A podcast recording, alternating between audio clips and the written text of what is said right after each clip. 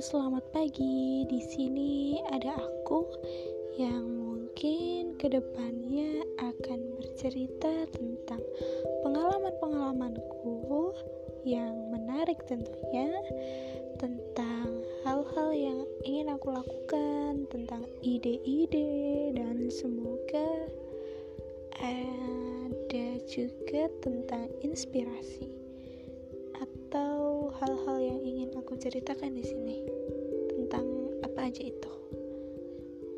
Uh, mungkin sesekali aku juga ingin menceritakan tentang cerita-cerita dari temanku kalau mereka mengizinkan dan cerita-cerita tentangku dan ya semoga kalian suka.